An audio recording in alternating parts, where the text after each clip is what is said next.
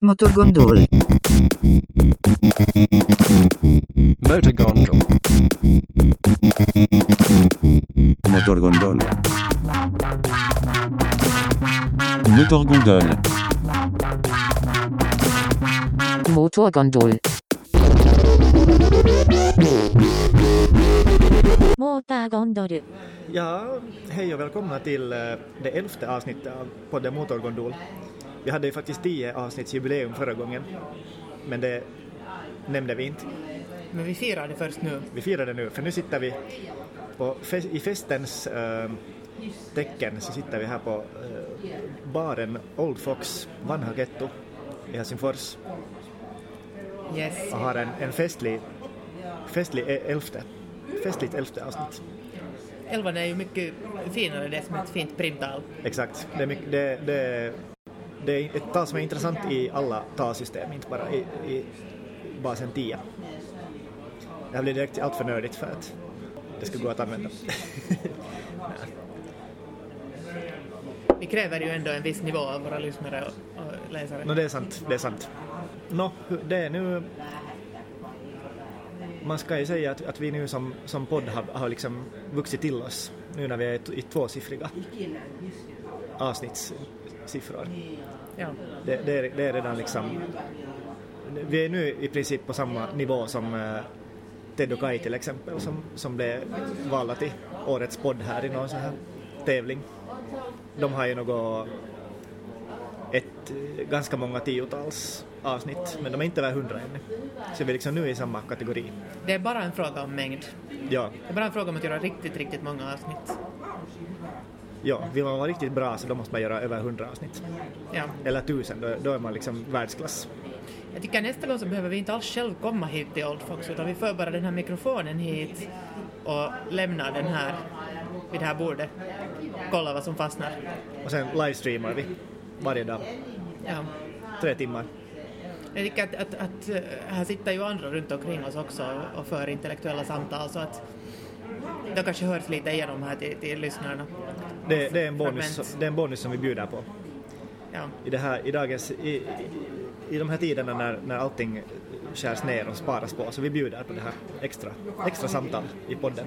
Bonusmaterial. Ja, Ni hör någon som skriker någonting i bakgrunden eller säger någonting så vet ni att det är på grund av att det är många andra poddare här också idag som Ja. firar sitt elfte avsnitt, tror vi. de firar nog någonting i alla fall, för det, det, det är en festlig stämning här. Ja. Jo, men, men ehm, om jag börjar med att fråga dig, vad har du funderat på den här veckan? Den här veckan har jag funderat på att, om vi nu tar och skippar de här, vi har blivit så, så um, en sån uh, så här samhällsorienterad podd i de senaste avsnitten. Jag talar mycket politik. Men det känns som att nu, nu har jag liksom uh, släppt det. Jag, jag liksom orkar inte mera fundera på saker och ting. Jag har nu blivit smittad av det här som vi talar om, det här att man, man är bara så här, äh, fuck it. Du gått in i det lyckliga medvetandet. Exakt.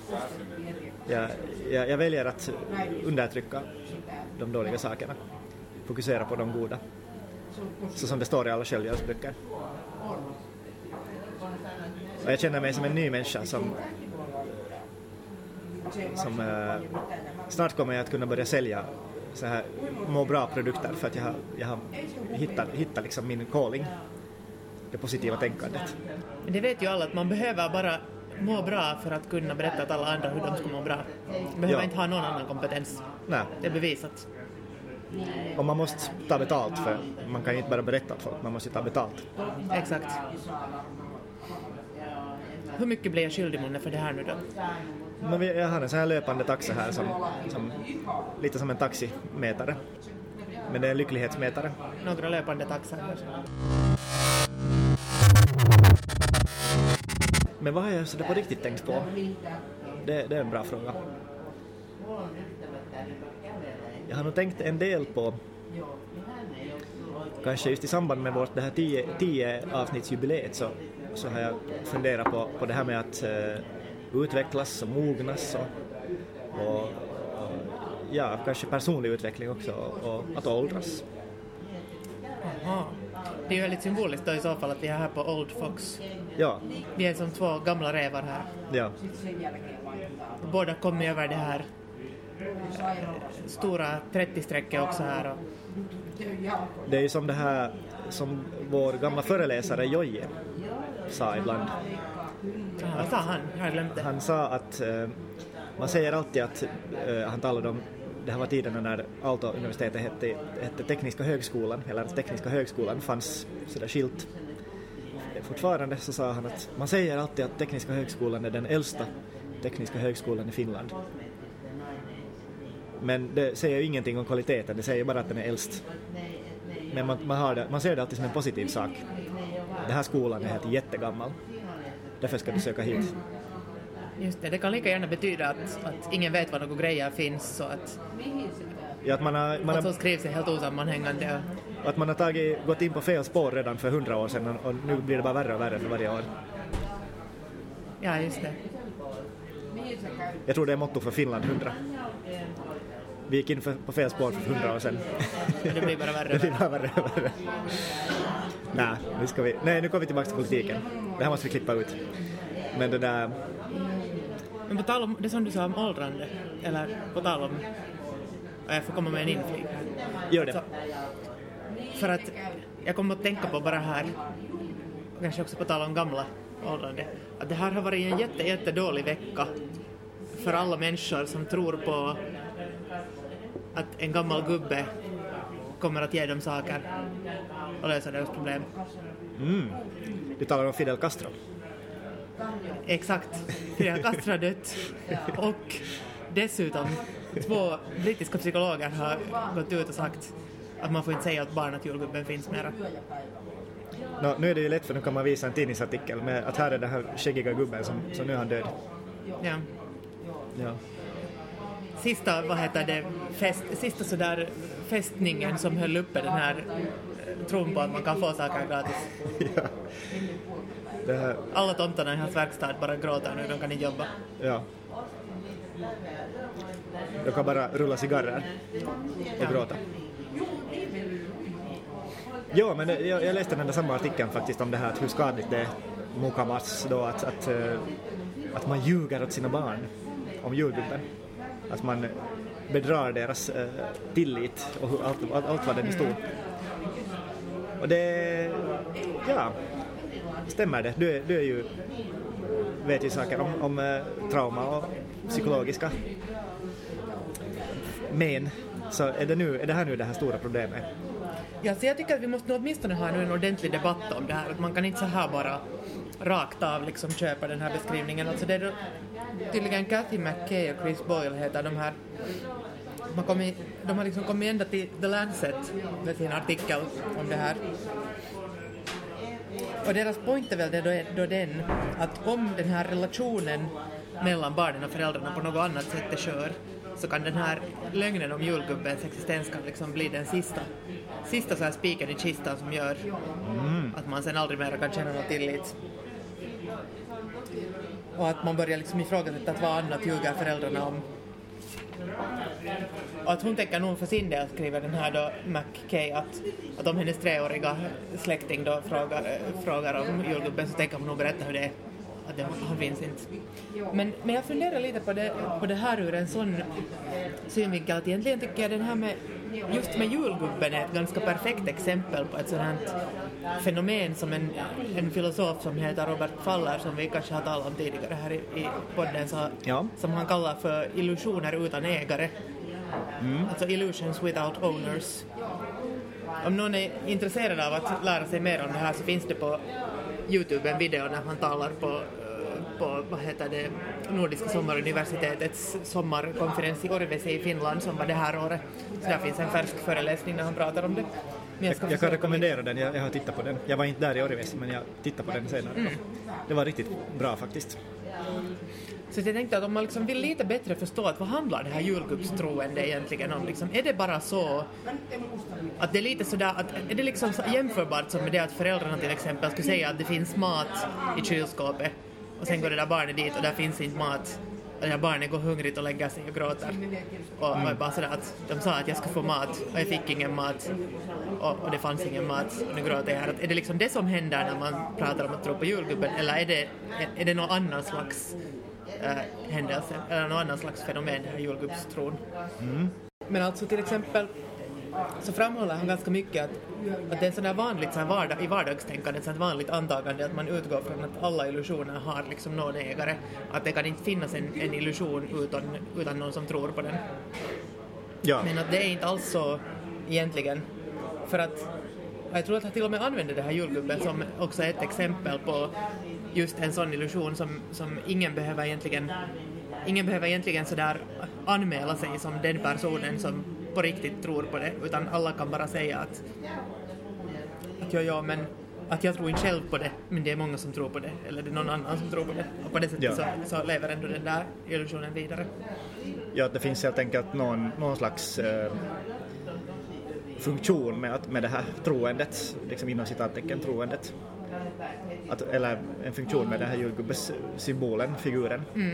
Jag, jag tror han använder, just i den här föreläsningen tycker jag han talar mycket om eh, horoskop, sådär som ett, ett exempel.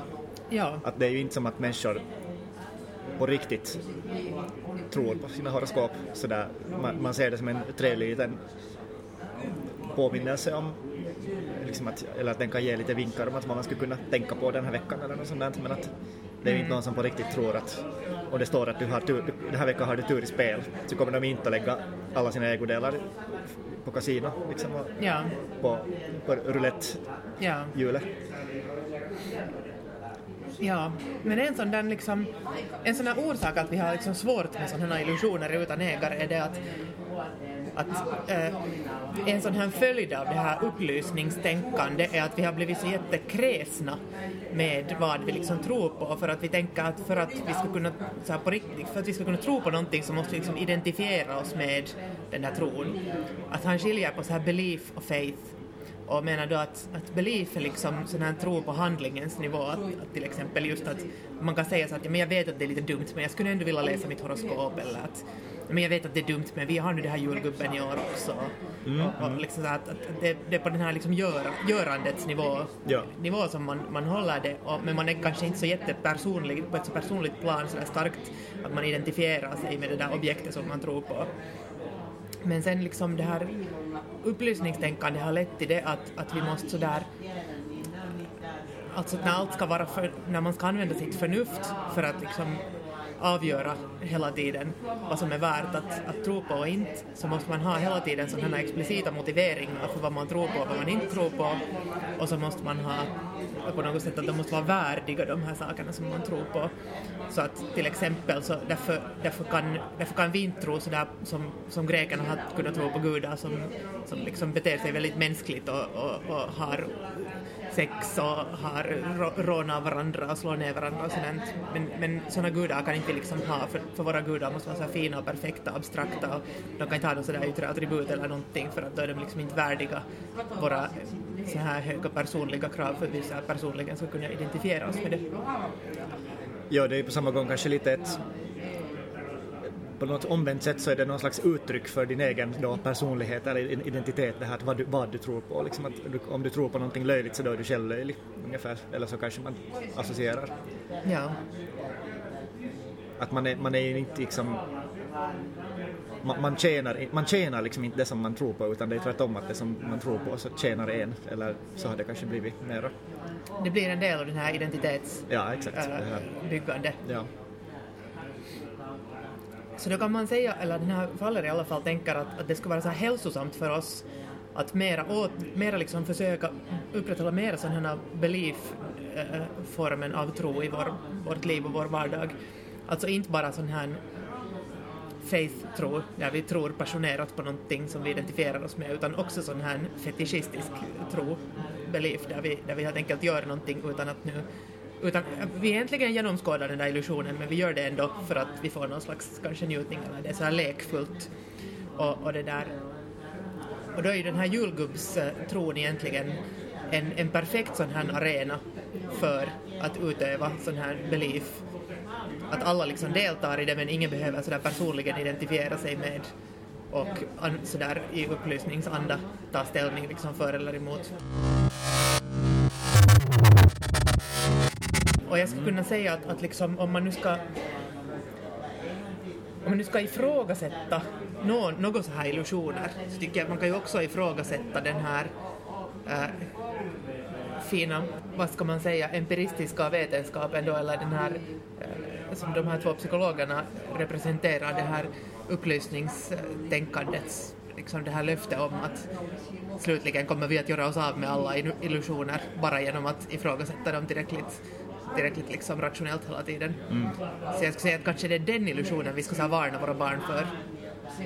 Ja. Att om min Ja. treåriga släkting skulle fråga sådär att finns det Finns det ett sånt absolut förnuft med vilka vi kan göra oss av med alla illusioner och därmed uppnå en, en utopi så ska jag säga nej, det kommer aldrig att gå så.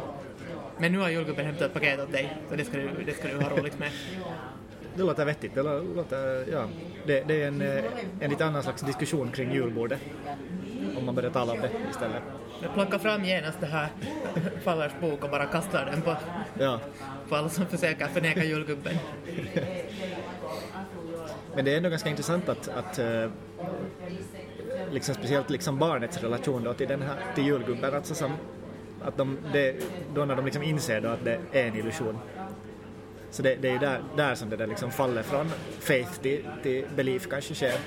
På det sättet kan man ju läsa de där psykologernas eh, val eller varning sådär att, att att, att må, måste finnas den här liksom, att man på riktigt tror på den där julgubben när man är liten. Eller kan man bara ta det som fiktion ända från första början?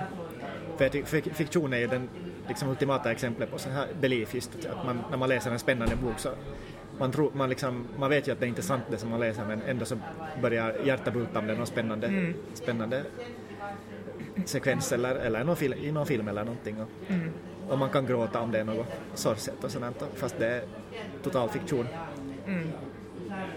Och det, där är ju liksom, ja, man behöver inte bli invaggad i den här tron om att det finns på riktigt. Det här.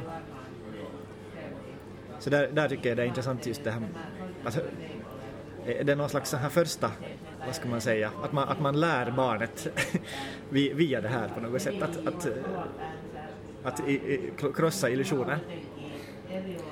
Alltså det där är en intressant fråga för det beror ju förstås också på barnets sådär utvecklingsnivå att hur, hur abstrakt eller konkret det här barnet förmår tänka men jag vet inte jag kommer ihåg i alla fall själv hur det var att, att i något skede också så, så inte, inte liksom trodde jag på det sättet på, på julgubben kanske som ett som något empiriskt faktum men att, men att mera sådär att också för att inte liksom ens egna föräldrar ska, ska veta att man inte på det sättet mera tror på det så är man ändå med på det där hela grejen. Att, att alla liksom, att ingen behöver, inte behöver ens barnen egentligen tro på det men så länge ingen går och liksom petar på den där med sin långa rationella pinne så, Ja. så kan alla ändå liksom delta utan att någon på riktigt behöver tro på det.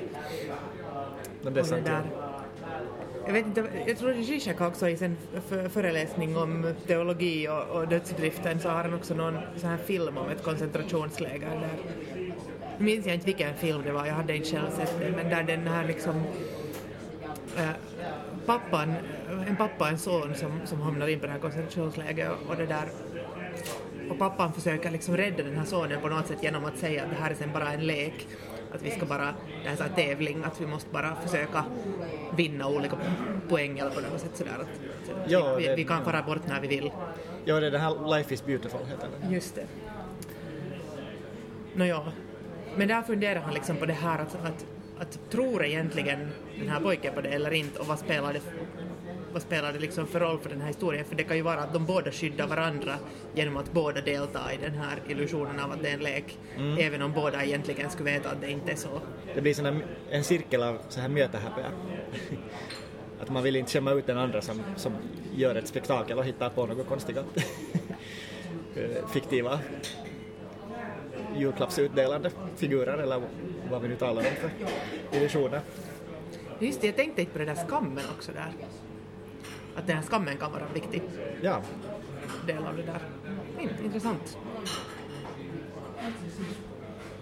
det är om man, om man liksom som den här då som om nu barnet liksom på riktigt sådär medger att det här är en, en lögn eller en illusion eller vad man vill kalla det, så det är ju liksom då, man vet ju kanske inte riktigt vad den där förälderns sådär motivation är för att, att liksom skapa den här illusionen. Att är det något jätteviktigt för den där förä- föräldern, man vet inte. Och man kan ju inte fråga det för att då, då liksom av, röjer man direkt att, att man liksom ifrågasätter det här systemet. Just det, så det finns en sån här, egentligen en sån här oöverstiglig klyfta alltid mellan oss själva och andra personer när vi deltar i sådana här ritualer och illusioner.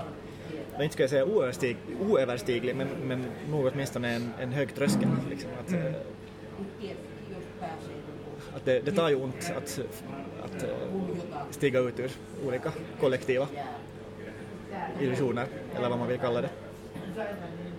Ja. ja, just det, det finns ju de som inte är så jätteproduktiva heller och inte sådär oskyldiga heller. Så kanske någon sån här, den illusionen att det inte kommer att hända någonting fast vi gasar på alla varenda en liten oljereserv vi hittar, den skulle man ju ändå nog kanske gärna säga att någon skulle stiga ut ur. Ja. Men då kanske någon blir ledsen, så det, det, det är obekvämt. En, en, en företagschef kan bli ledsen. En stackars oljeshejk kan bli ledsen. Ja, men detta om detta. Det var en liten parentes här om en gammal, eh, gammal skäggig gubbe i den här diskussionen om, om att åldras. Jag började fundera vidare på det här med fiktionens roll. Man talar ju alltid om att vad är poängen med fiktion? Och nu finns det ju det här stora autofiktiva eh, uh, ådran i, i litteraturen. Att det, att det liksom måste vara på något sätt eh, förankrat i, i fakta. Det är också lite en sån här upplysningsideal. Att man kan inte bara hitta på saker från tomma intet. Det är liksom, det, det är ju det är onödigt och konstigt. Irrationellt. Men sen när man just tänker på det från den här faith och be- belief synpunkten så inte det egentligen så stor skillnad. Nej, just det. Jag tror väl att Faller också talar om det där att man egentligen kan vara friare i en fiktiv situation än i en verklig situation. Att han talar just om någon, om man spelar ett datorspel eller någonting och att man, man ofta har liksom starkare känsloreaktioner i spelet för att man vet att det är en, en säker arena. Liksom för att, när man förlorar så kan man bli helt förbannat arg. Vilket ju inte riktigt går när man typ får sparken eller någonting så här i riktiga livet. Eller, Ja. eller bara om man missar bussen eller någonting. Okej, vissa kan ju bli jättearga men för de flesta så är det sådär att man, man eh, undertrycker de reaktionerna. Eller åtminstone låter bli att blåsa upp dem. Men att sen när man har en sån här säker...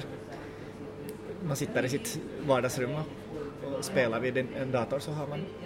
Är det bara fritt fram att, att härja och skrika och, Ja. och skratta och gråta och allting liksom. Fast man vet att den här datorn inte, inte liksom kan påverkas av att man slår på den, så slår man ändå på den. Exakt.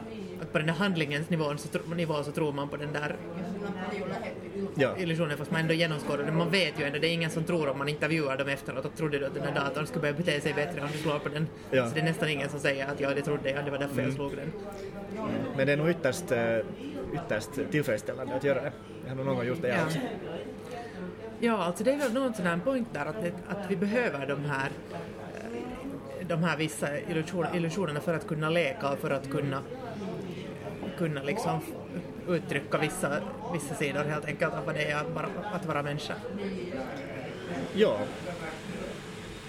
Och det är kanske just den här... Eh, att man på något sätt sätter, sätter paus på, på just de här sociala reglerna och så här konstruktionerna.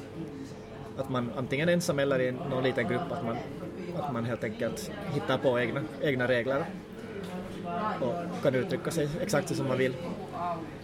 Eller det, det som jag tänker mig att är på något sätt poängen. Att kanske det är just den här, ett sätt att kringgå den här cirkeln av skam, liksom det här att, att, att man, man helt enkelt sätter, pausar det här vanliga samhällslivet och har en sån här liten bubbla som man kan vara i. Mm. Men det kanske beror också på att det är så höga krav liksom på att det är så höga krav på det där att in, att inte liksom vidkännas irrationalitet annars. Ja, det är också sant. Det är också sant. Att det, de har blivit allt mer marginaliserade, alla de här formerna av illusioner, alla de här liksom konstruktiva formerna av illusioner. Ja, eller kanske inte ens marginalis- marginaliserade men, men eh, åtminstone så här blivit mera likriktade och så liksom att det blir, har blivit en monokultur av, av känslouttryck. Att det, det är bara, speciellt för män så finns det bara ett visst antal ställen där man kan visa sina känslor öppet. Typ sportevenemang och, och sånt liksom. Så där, då, då är det okej att, att visa, riktigt skrika och härja sådär just, just som, eller som ett tv-spel. Det är också en annan. Att då, då är det på något sätt rationellt att vara irrationell. För att man, man är på rätt plats för att göra det. En, en sanktionerad plats. Sen är ju faran att när man, om man bara gör det där så sen kan det vara svårt att, att så att säga ha kontakt med den sidan av sig själv så här i så kallade vanliga livet. Mm. Jag, jag, jag tror liksom också en av de där pointerna som man försöker på något sätt få fram med det att vi har att, att, alltså helt, helt på ett allmänt plan så vårt samhälle på något sätt har blivit så här fientligt mot själva livet genom att göra allt för att upprätthålla livet. Att man genom att betona för mycket eh, Alltså det är där konflikten mellan innehåll och form på något sätt. Mm. Att, att, att genom att betona det ena så, så förstör man det andra. Att när man på alla sätt liksom försöker till exempel genom olika myndighetsregleringar och just som är baserade på den här tanken om att vi kan veta, veta vad som är bäst och att vi kan liksom få fram det med vetenskapen hur man ska göra, till exempel att man inte ska röka och sånt här. Så sen bara man bara genomför sådana här restriktioner överallt och liksom olika sorters direktiv och sånt här så sen, sen kommer, kommer det här liksom som hotar, vårt, hotar vårt liv och vår hälsa att försvinna eller att, på något sätt att, att vi kan göra sån här genom sådana här olika totalitära åtgärder så kan vi garantera livet. Men på samma gång så, så händer det också att vi på något sätt tar bort det som gör livet värt att leva. Att genom att fokusera allt för mycket på den här formen så förstör vi liksom själva innehållet i som poängen med livet, att ta bort den här lekfullheten och den här möjligheten att, att skapa sådana här konstruktiva illusioner. Just Så då kan man ju se det här också med de här små liksom fickorna som finns kvar där vi ännu kan leka. Och sen annars liksom annars lever vi i ett sånt här tråkigt vuxensamhälle som, som bara tror, tror på sin, e- sitt eget förnuft. Hej, men på tal om att, att leka och bli vuxen och åldras. Så en grej som också slog mig med det här nu när Fidel Castro dog är ju det att han blev ju aldrig småborgerlig och konservativ. Ja, att han tydligt inte hört det här citatet, alltså typ som i, sådär, i Svenskfinland när det uttalas så brukar det vara sådär att om man inte, vad är det, att om man om man inte vet du radikal när man är ung så har man inget hjärta, om man inte är konservativ när man är gammal så har man ingen hjärna. mm, ja det har jag hört, ja. Ja. Men, men han är ju helt tydligt liksom... Hur är det möjligt? Det som verkar som en självklarhet för alla äh, äh, finlandssvenska äldre män som uttalar sig i dagspressen, det som verkar som en så självklar sanning, det gällde inte alls för Fidel Castro. Han var radikal hela livet. Det är sant, det är sant. Det är helt som man inte skulle alls ha lyssnat på liksom, varit, någonsin varit på Hanken på ett seminarium och lyssnat på, på Nalle Wahlroos. Ja, han, han måste nog ha missat det tydligen. Det, det var en stor förlust i hans liv. Ja. Det måste ha harmat säkert. För jag funderar mycket på det här citatet nämligen. Alltså jag funderar bara på det. Jag- jag- Dessutom måste jag bara säga att man brukar ofta här tillskriva det att det ursprungligen skulle ha sagts av Churchill. Men det är inte alls han som har sagt det från början utan det är en fransk ehm, eh, statsman, eller vad man nu ska kalla det, François Pierre Guillaume Guizot. Han, hans liksom Alltså det som jag funderar på, det här som jag funderar på med det här citatet är att det stämmer ju kanske jättebra för en sån här kille som Björn Wahlroos. Jag vet inte, för jag tror att han har någon gång också sagt det sådär offentligt, liksom upprepa det här, den här Ja. sanningen. Och det, där, och det passar ju jättebra för en person som genomgår en sån här identitetsutveckling var man först ska frigöra sig från sina föräldrar som kanske har mycket egendom och högt uppsatta positioner och då är det liksom det logiska identitetsarbetet i det skedet är ju att bli kommunist eller liksom bli på något sätt radikal eller anarkist eller vad som helst. Ja. Men sen när man kommer till det skedet att man ska börja liksom förvalta det här arvet som, som ens föräldrageneration lämnar efter sig så är det ju fullkomligt rimligt att bli väldigt mån om att på alla sätt eh, stabilisera och, och liksom öka det här arvets värde på olika sätt. Ja. Så att jag kan, jag kan känna att liksom, jag förstår väldigt bra att, att, att det här känns som en, en universell sanning för väldigt, väldigt många eh, finlandssvenska farbröder som sitter i olika fonder och styrelser och, och, och sånt här. Men jag tror inte att det liksom, jag tror bara inte att det stämmer för alla människor. Nej, kanske har, har, har Fidel något, eller hade han något barn? Det vet jag faktiskt inte. Att är det då så att hans barn liksom går igenom en sån här period i tidiga 20-årsåldern där de är jättekapitalistiska och, och borgerliga Säkert. för att sedan åter, åter vad heter det, return to the fold som man säger på engelska. Alltså, att återvända till, till liksom, eh, in, inte till boet men, men liksom till, till sina gamla. Ja, rätta sig tillbaks i ledet. Ja, no, ja, det kan man säga. Ja. Ja. ja. När de hade, hade ett kommunist, kommunistiskt arv att förvalta. Ja. Och så där om man tänker liksom också någon som inte har överhuvudtaget någon egendom till exempel så kan man ju fråga sig hur rimligt är det att man plötsligt automatiskt liksom, det är någon sån här gen som bara kickar in när man fyller 30 eller 40 eller någonting. Ja. Nu, blev, nu blev jag konservativ. Nu börjar jag anse att ägandeförhållanden inte får utmanas eller ifrågasättas. Ja, jag, jag- har noll euro på banken och så ska det förbli. Ja.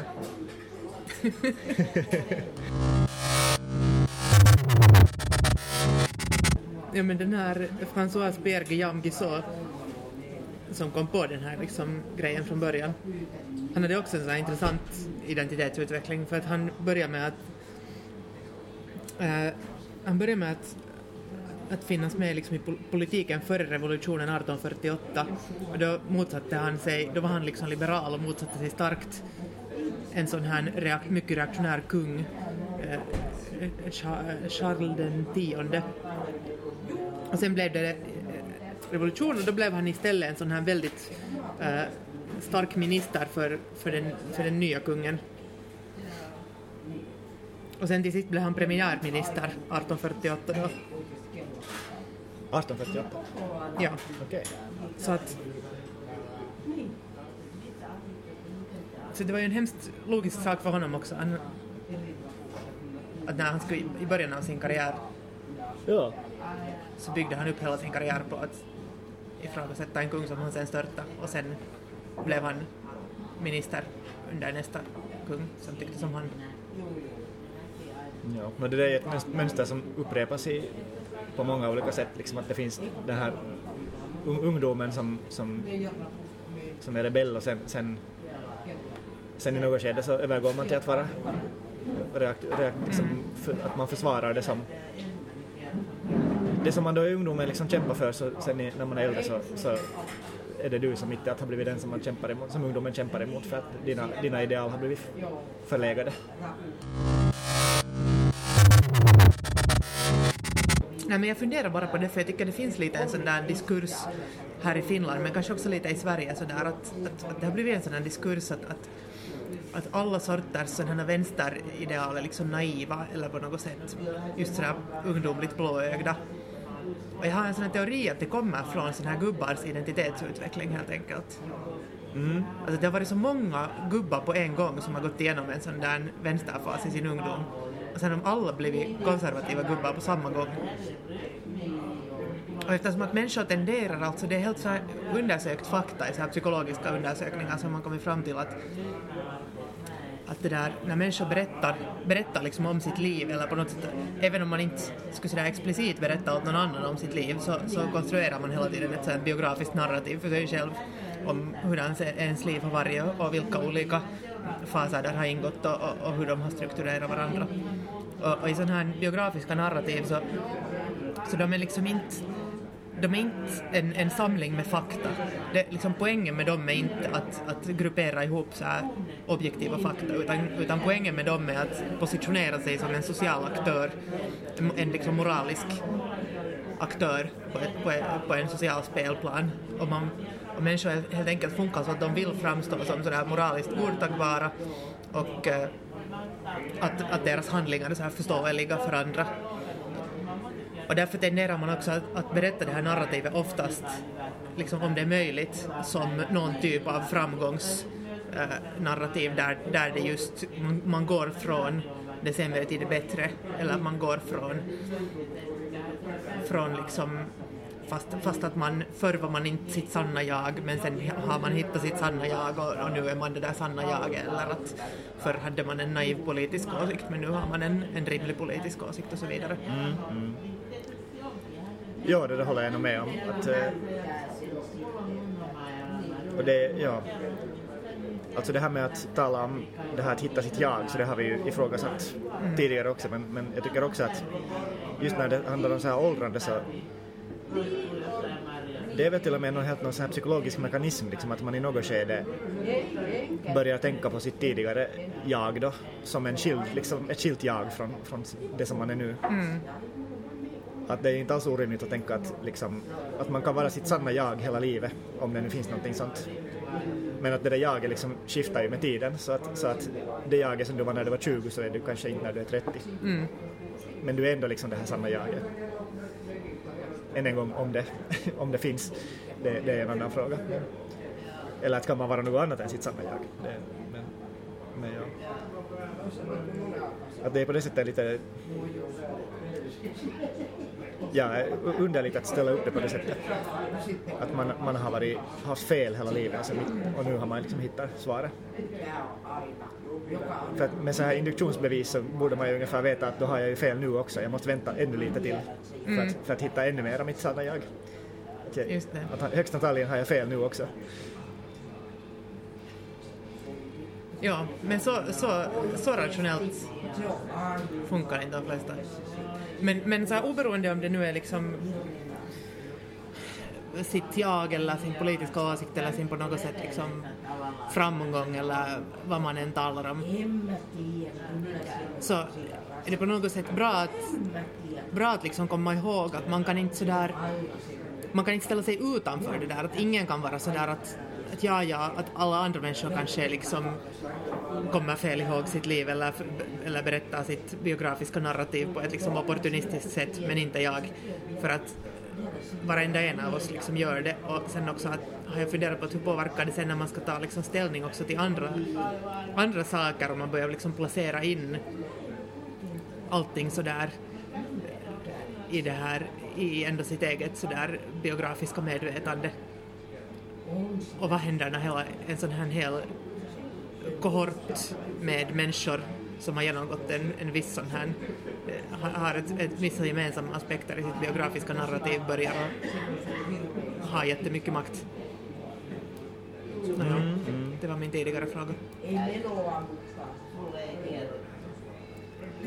Ja, och det, det, är ju inte heller liksom helt frånkopplat från det faktum att man ju nog utvecklas också som människa och blir, om inte bättre så åtminstone annorlunda med att man har mer erfarenhet att, att liksom mm. utgå ifrån och så här. Så man, och sen är det väl också någonting att, är det inte någon grej att ju äldre man blir så desto mer sådär chill blir man? Är det inte någon grej det också? Ja, men man måste ju ändå liksom, man är ändå beroende av vissa sådana existerande diskurser för att göra ens överhuvudtaget det där narrativet liksom begripligt. Ja, ja. Att även om man skulle på det sättet Alltså det där att vara liksom, att hur man framställer sig som en moralisk agent i det där narrativet, så det, eller den där berättelsen, så det, det behöver inte betyda att man liksom framställer det som att man nu har en bättre moral än vad man hade förr eller någonting sånt, men bara det att, att det helt enkelt är liksom förståeligt utifrån någon typ av värdering, det som man sysslar med eller det som man tidigare har sysslat med. Men jag funderar till exempel också på en sån sak som Alltså det, det kan ju vara lite samma som det här med, med liksom krig och, och erf eller erfarenheter av till exempel krig, sådana svåra traumatiska erfarenheter. Så kan det vara att det liksom det är omöjligt att inkorporera det i det där biografiska narrativet på något sätt för att det finns liksom ingen sån där den här liksom sociala verkligheten innehåller ingen sån där diskurs eller inget sån där tolkningsmodell som man skulle kunna använda för att berätta om det. Och sen kanske plötsligt det ändrar så att de där rådande där värderingarna blir, blir helt enkelt det att, att det är någonting liksom extra fint eller eftersträvansvärt och sen plötsligt blir det en jättestark så här efterfrågan på just den här erfaren, krigserfarenheten eller jättestor så här social beställning på att prata om det. Lite som liksom det här kriget i Finland, men jag tänker också på någon liksom USA till exempel, att hur, hur många krigsveteraner som är helt eh, alltså utblottade och, och, och lever i liksom extrem misär och så här. Att, och att det att hur samhället ser på det kriget som de har varit med i och vilka liksom diskurser och så att säga cirkulerande sanningar det finns om just om det kriget de har varit med i så, så det liksom bestämmer hur de kan berätta om det, hur de kan inkorporera det i sin, sitt biografiska narrativ. Att det kan vara allt från, det kan vara ett misslyckande idag, det kan vara liksom ett trauma idag, det kan vara en hjältehistoria om, om 20 år, helt beroende på vilka liksom vilka historier det här varuhuset med historier innehåller där man kan gå och shoppa ihop till sitt narrativ. Ja, jag tänker mig att du kanske menar det här att, att man gärna konstruerar sin, sitt biologiska narrativ som att, äh, biografiska snarare, narrativ. Att, eh, äh, vits jag har mycket Freudians slips idag. Ska jag visa dig mitt biologiska narrativ? ja, det där. Uh, ja, man tenderar att konstruera sitt biografiska narrativ som, som en så här kontinuerlig liksom aktiv handling. Att nu, sen satte jag mig ner och, och tänkte hårt och så bestämde jag mig för att jag skulle göra det här och det här. Eller liksom att jag kände på mig att nu var det nog dags att göra så här. Men sen när det händer sådana här stora just saker som, som på intet sätt liksom kan påverkas av individer, just som krig. Mm. Så det, det, är liksom jättesvårt att inkorporera det som ett något aktivt val. Att du, du väljer inte att, att det blir krig i ditt land. Eller väldigt få människor kan välja det. Eh, så, så det, det blir just jättesvårt då att, att eh, eller det, det, var så jag tolkade det här som du sa på något sätt att, att eh, man, man, blir liksom ens ens jag talar bara engelska där men ens sense of agency försvinner liksom att man har, man har liksom ingen kontroll över det egna livet sen ändå liksom i vissa så stora och väldigt viktiga och avgörande mm. händelser och det, det skapar problem. Ja, alltså, precis, och det där är just på något sätt också så definitionen på ett trauma egentligen, eller på, på vissa sätt det där att, att man liksom inte kan sätta in det i något som helst meningsskapande sammanhang för att det är så, det är liksom en så, mm. så händelse där man helt totalt helt enkelt inte kunnat påverka eller inte kunnat göra någonting. Ja, det, och sen, sen, ja som du sa också, att det sen, sen skapar det då ett behov av att hela samhället måste tillsammans se till att det är okej, okay, det här händelsen, att du drogs in i ett krig. Att, att det blir liksom en, det blir en slags samhällelig aktiv handling. Nej, men, alltså jag vet inte, jag menar kanske, jag tänkte kanske inte på den här liksom den här veteranens sådär egentligen vad ska man säga, individuella liv eller sådär traumatisering utan jag tänkte på det att hur liksom hur den här själva upplevelsen av då att ha till exempel varit i det där kriget, den, den liksom ter sig helt olika, den, den, den liksom upplevelsens betydelse ter sig helt olika beroende på till exempel det där politiska klimatet i, i, i landet. Att, mm. att det som idag är, är, liksom, är någonting som man kanske för, fördömer eller någon som marginaliseras totalt eller någonting sådant så kan plötsligt kan den samma personen anses vara en, liksom bli en firad hjälte några år senare när när liksom den här allmänna opinionen om vad det här kriget till exempel har inneburit skiftar. Så att liksom också, också när det gäller hur man berättar om, eller om man alls kan berätta om vissa saker i det här livsnarrativet så, så beror på så mycket som inte liksom man som individ kan påverka. Ja, det, ja jag Eller lite som med, här gayrörelsen, alltså att, att det där hur pratar man om sin gay-identitet idag jämfört med hur man har kunnat prata om den för hundra år sedan. Ja, men jag, alltså nu håller jag säkert med, men, men jag, jag tänker just det här att sen när, när du nu har x, x tusen krigsveteraner i samhället som, som alla på sätt och vis önskar att, att eh, deras liv ska ha, ha någon mening liksom, eller betydelse, eller deras insats ska ha någon liksom, betydelse i deras liksom, biografiska narrativ. Så det blir ett, då en slags sug efter det här, den här att göra det mer heroiskt kanske, så det kanske inte ett medvetet sug. Men, men att, att när, det, när det finns så många som, som vill, vill, eh, vill att det som de har gjort är bra så blir det ju säkert på något plan konstruerat en sån, ett sånt narrativ då på en samhällelig nivå. Och då får vi just det här med så här, att man att, att, att krig, krig ses som någonting heroiskt och så vidare. Okej. Jag är inte helt säker om jag håller med om det där. Jag, har- jag har liksom... Men för det, jag försöker fundera, vad är det egentligen jag försöker säga? Men försöker på något sätt kanske liksom... Utan att nu direkt utan att nu direkt liksom spekulera allt för mycket i, i hur det är att vara med i ett krig eller, eller liksom någonting sånt. Ja, vi det kan, var ju, kanske ett kan, dåligt vi kan exempel. ju meddela här officiellt att ingen av oss har varit med i ett krig. Nej. Bara så ni vet. Så vi vet liksom ingenting vad vi snackar om här. Det är på det sättet liksom, kanske dåligt exempel. Men jag tänkte mera liksom på det här på något sätt att när hela vår, vår hela liksom poängen med varför man, varför man medan man åldras eller det här liksom åldrande och att livet framskrider, att det innehåller det här att man hela tiden bygger på sitt det här livsnarrativ, sin liksom livsberättelse och, och, och att, det, att det ska liksom skapa en sån här bild av att man är en liksom man är en agent i sitt eget liv. Man är liksom den, man är ett subjekt, man är en, en som handlar och tänker på ett förståeligt sätt. Mm. Och sen samtidigt är man helt, egentligen helt eh, beroende av vad det finns för tillgängliga eh, modeller för de här berättelserna. Ja. ja. Men nu tror jag vi talar om ganska samma sak. Men jag kanske mer talar om det där skapandet av de här modellerna.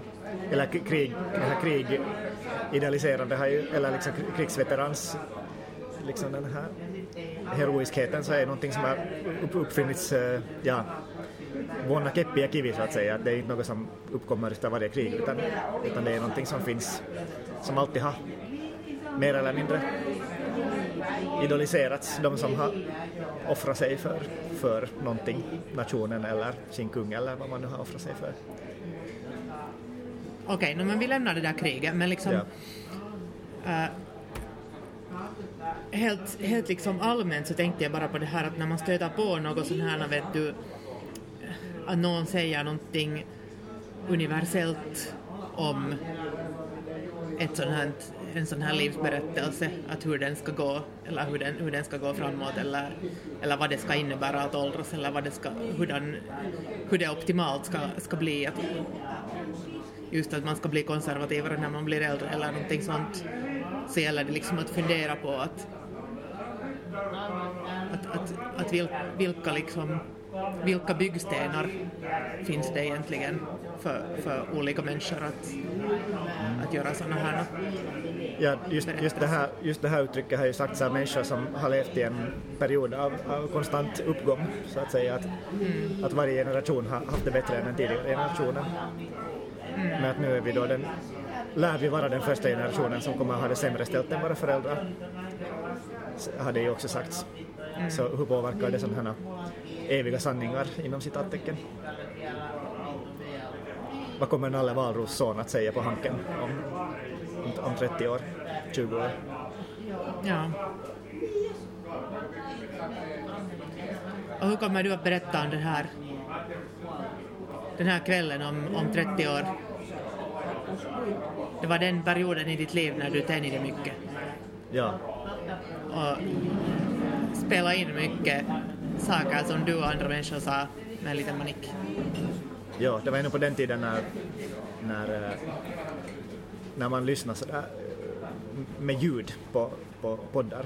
Ja. Att nu för tiden så injiceras något rakt in i din hjärna med någon, via någonting, en nätverksport i din nacke. Men på den tiden bara snackar man in i en, en manik och sen spelar man upp det åt andra. Tänk vilka tider. Tänk vilka tider. Jag minns det som igår, fast det är idag. Och då skulle det ju höra till att vi liksom, att vi visste nog vad vi... Jag tycker det är alltid med så här alla sådana här eh, plötsliga framgångshistorier, så här att någon som har gjort en jättebra film eller en jättebra, skrivit en jättebra bok eller någonting så. De säger ju alltid sådär att, ja alltså inte visste jag ju att det skulle bli liksom så här framgångsrikt, men nu kunde jag ju lite ana det. Att de, de bygger alltid upp det här liksom, att ja, jag visste nog, egentligen så var det ju nog, visste jag exakt vart jag var på väg. Samtidigt som de säger att man inte visste det. Så vi kommer också att säga sen när Motorgondol blir världens största podd. Det är vi som kommer att upp- uppfinna det här injiceringssystemet. Shit. Så sen, sen när vi blir intervjuade om 30 år så är det så att ja, när vi satt där på Old Fox så vi kände nog att det, fanns något, det var någonting i luften där som gjorde att ja, det fick oss att arbeta vidare.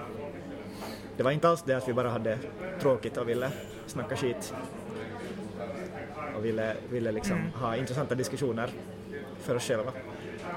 Men det är just var det där som är, grejen, liksom, att det blir, man, man, man tillrättalägger det alltid efteråt. Det är inte ens liksom någonting som, det är inte någonting som man ens kan vet, så här, säga att, att, att det skulle vara något extra sådär sneaky med det, utan det är bara så som alla människor funkar, att allting blir tillrättalagt efteråt när man ska berätta det. Ja.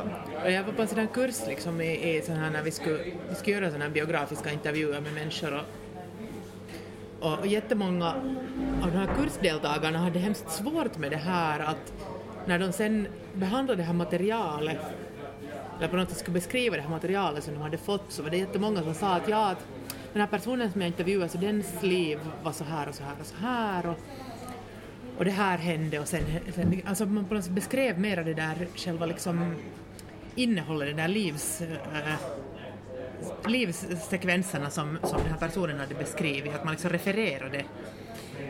Och, och sen vår professor alltid väldigt så här att, att, ja, men att, att ni måste också tänka på att det här som ni har här, att det är liksom en intervjutext eller det är liksom en sån här, att det är mera den här liksom berättelsen.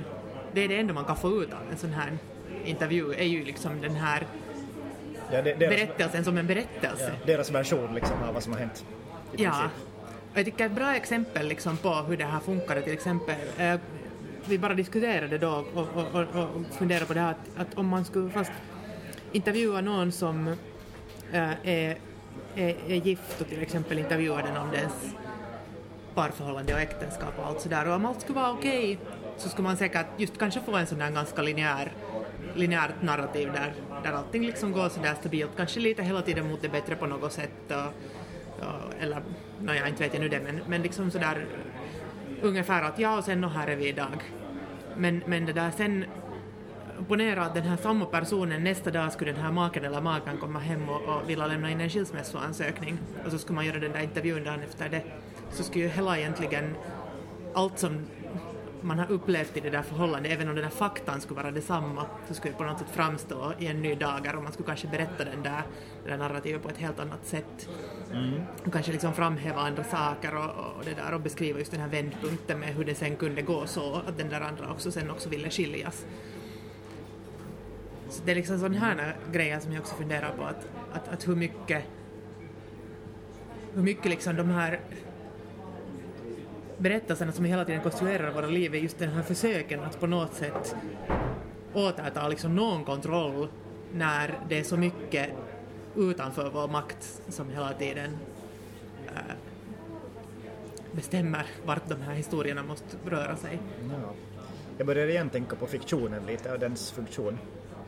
Att liksom, när jag nyss talade om det här att autofiktionen är på något sätt en, nej jag skulle inte kalla det en lägre form av fiktion, men, men liksom att när jag gjorde den här jämförelsen tidigare, men, men att också autofiktion så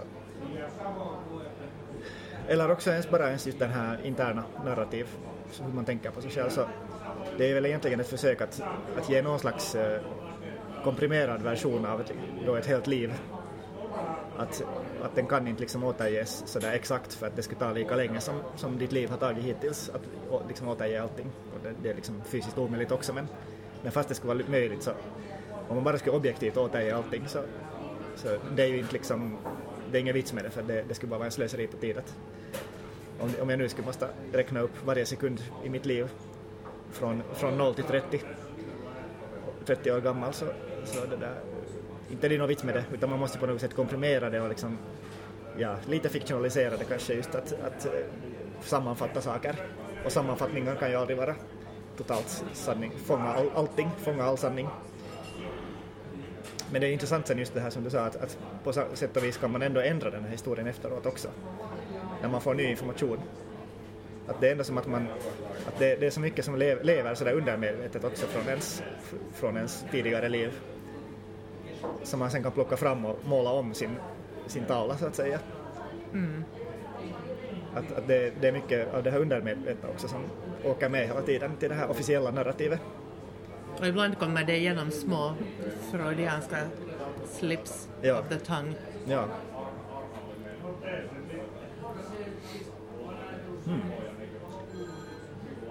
Du, du var, du, vad var det, emotionell identitet? Nej, vad var det? Som Ja, det var någon felsägning. Ja, ja, alltså före vi började banda här så talade vi om eh, emotionell eh, intimitet. Men då sa jag emotionell identitet istället. Och efter det blev det emotionell intensitet. Det är svårt det här ordet, intimitet. Okej, vi måste, måste nog analysera det här lite närmare tror jag i nästa avsnitt. Ja. Ja, jag är, ju- jag är ju, det har jag ju talat många gånger att jag försöker låta bli att tänka på att människor har identiteter. Framförallt jag själv. Så kanske det är det som jag är mest rädd för, att ha en identitet, en, emotionell identitet. Plötsligt hittar du en knöl un- under, en knöl någonstans på, på benet eller på, på ena skinkan liksom. Och funderar, vad är det här för knöl? Den var inte där igår. Visar sig att det är ett svårt fall av identitet. Ja, den har börjat sprida sig i hela kroppen. Snart, snart kommer jag att få det här. Få, få, få ett till Kela-kort med en till identi- identitet. Ja, du tänker att det blir flera. Det kommer ploppa liksom ut sådana Ja. små, små, vad heter det, så här kopior. Ja. Kopior av dig sen ut ur de här knölarna. Ja, eller versioner. Ja. Man har ju man har ju en sexuell identitet, man har en eh, social identitet, man har, allting kan ha ett eget Kela-kort. Oj, tänk om din sexuella identitet kommer hit och gör den här podden. Det skulle kunna bli ganska... Det skulle bli mer dadaistiskt. Ja. Antagligen lite mer, jag vet inte vad, ljudeffekter.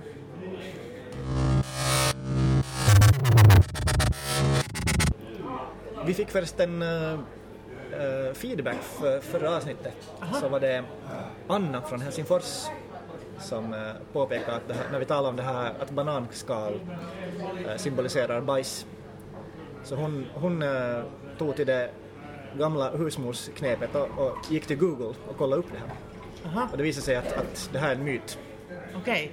Att egentligen så var det nog bara att uh, förr i tiden så uh, åt man en annan sorts banan som hette någonting, jag vet inte vad. Men den bananen dog ut någon gång under 1900-talet och, och den bananen som vi äter nu så, så är då en annan typs banan. Okej. Men den här gamla typen så var mycket halare tydligen i skalet. Aha. Så det handlar inte om symbolik utan det handlar helt om genetik. Att bananerna, nej. att det var bättre förr. Bananerna var halare. Och tydligen också människor hade inte heller något ställe att sätta de där bananskalorna för att de bara kastade dem bakom ryggen Det varje var- gång när de åt en banan. Det var tiden före bioavfall. Just det. Bioavfall. Hej, kom ihåg, varför tänkte jag inte på det? Det är, nu, det, det, det är därför vi inte mera ser sådana här komiska scener. Nej. Alla använder bioavfall.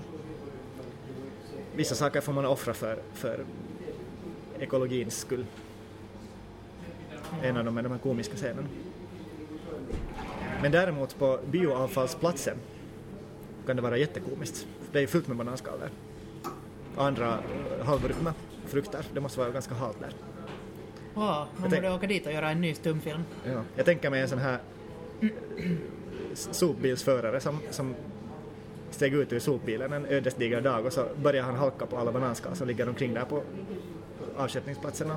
Och han halkar fortfarande. Det är liksom, han glider omkring där för evigt. Någonstans på en avköpningsplats nära dig Ja, halkar en sopgubbe omkring på bananskal. ja. I oändlighet. Fast det har jag hört, att på sådana här återvinningsställen eller sådana här soptippar så alla de här maskinerna är proppfulla med strumpbyxor. Strumpbyxor tydligen går inte riktigt att förstöra. Är det sant? Och sen fastnar de i alla sådana här rörliga hydrauliska delar så att liksom, Mm. Nej, ja. Ja, Det är ironiskt för att det är strump, strumpbyxor går ju jättelätt sönder när man har dem på sig ja. och det blir hål på dem. Det är därför alla sen slänger dem och sen, sen snurrar de där i maskinerna med bananskallen. Så det är, det är samtidigt det sköraste materialet och det starkaste materialet som finns. Ja, det är precis som med, med, med, med människans känslor. Och Nyt ollaan asian ytimessä. Ja, Ni hörde det här först. Vi har igen inte heller fått några pengar. Nej, Inte vet jag varifrån vi skulle få det heller. jag, jag väntar på en, en mecenat. Eller heter den mekenat? Nej, mecenat. Att, sen som bjuder på, på På messe-mat. just det. Ja, bra. En mecenat som bjuder på messemat. Kanske vi skulle kunna höra, fråga vad heter den här no- färska nobelprisvinnaren, vad heter han, Holmström, vad heter han? Bob Dylan. Vill han? Jag tänkte på den här ekonomin. Vad heter han nu? Bengt Holmström. Bengt Holmström. Jag tror att han skulle passa bra in i den här podden för att om det finns någonting som han, han liksom tycks vara expert på så är det att spekulera. Ja, det är det som vi gör. Han har, han har liksom drabbats av den här sjukdomen så det är oftast är det nästan bara fysiker som drabbas av den.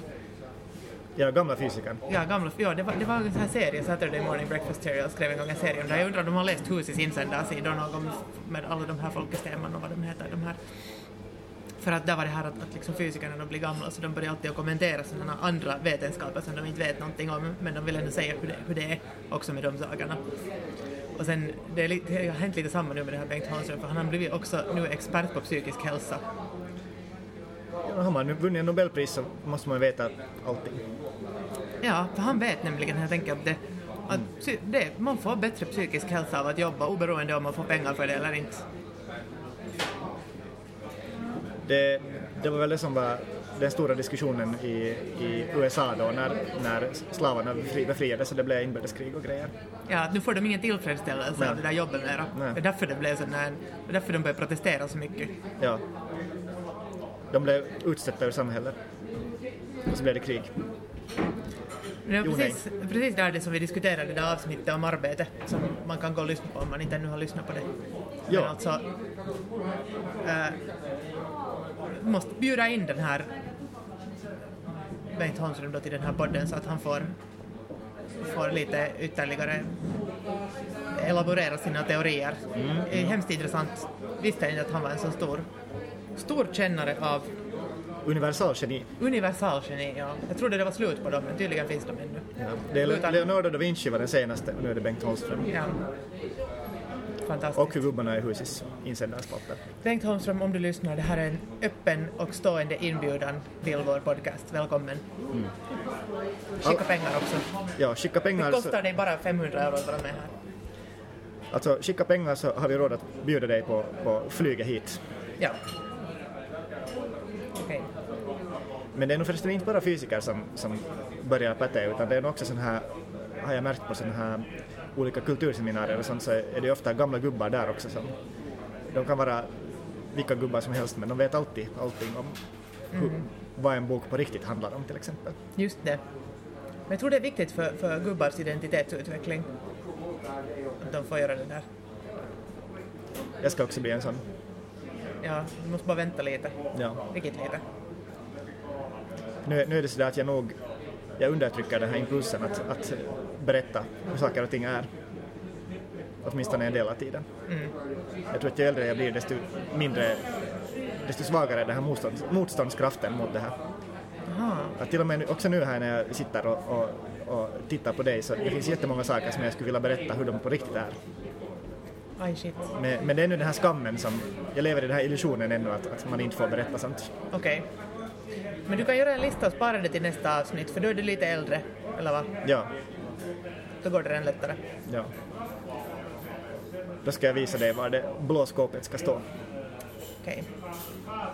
Det är ett fint uttryck. Ett uttryck som en gubbe använder. Men jag trodde det var uttrycket var vem har skitit i det blå skåpet? Vi hade ju sån Vi det. Vi hade ju... Någon, alltså nu när vi har så bra faktakollare så kan väl någon av de här faktakollarna kolla det. Ja.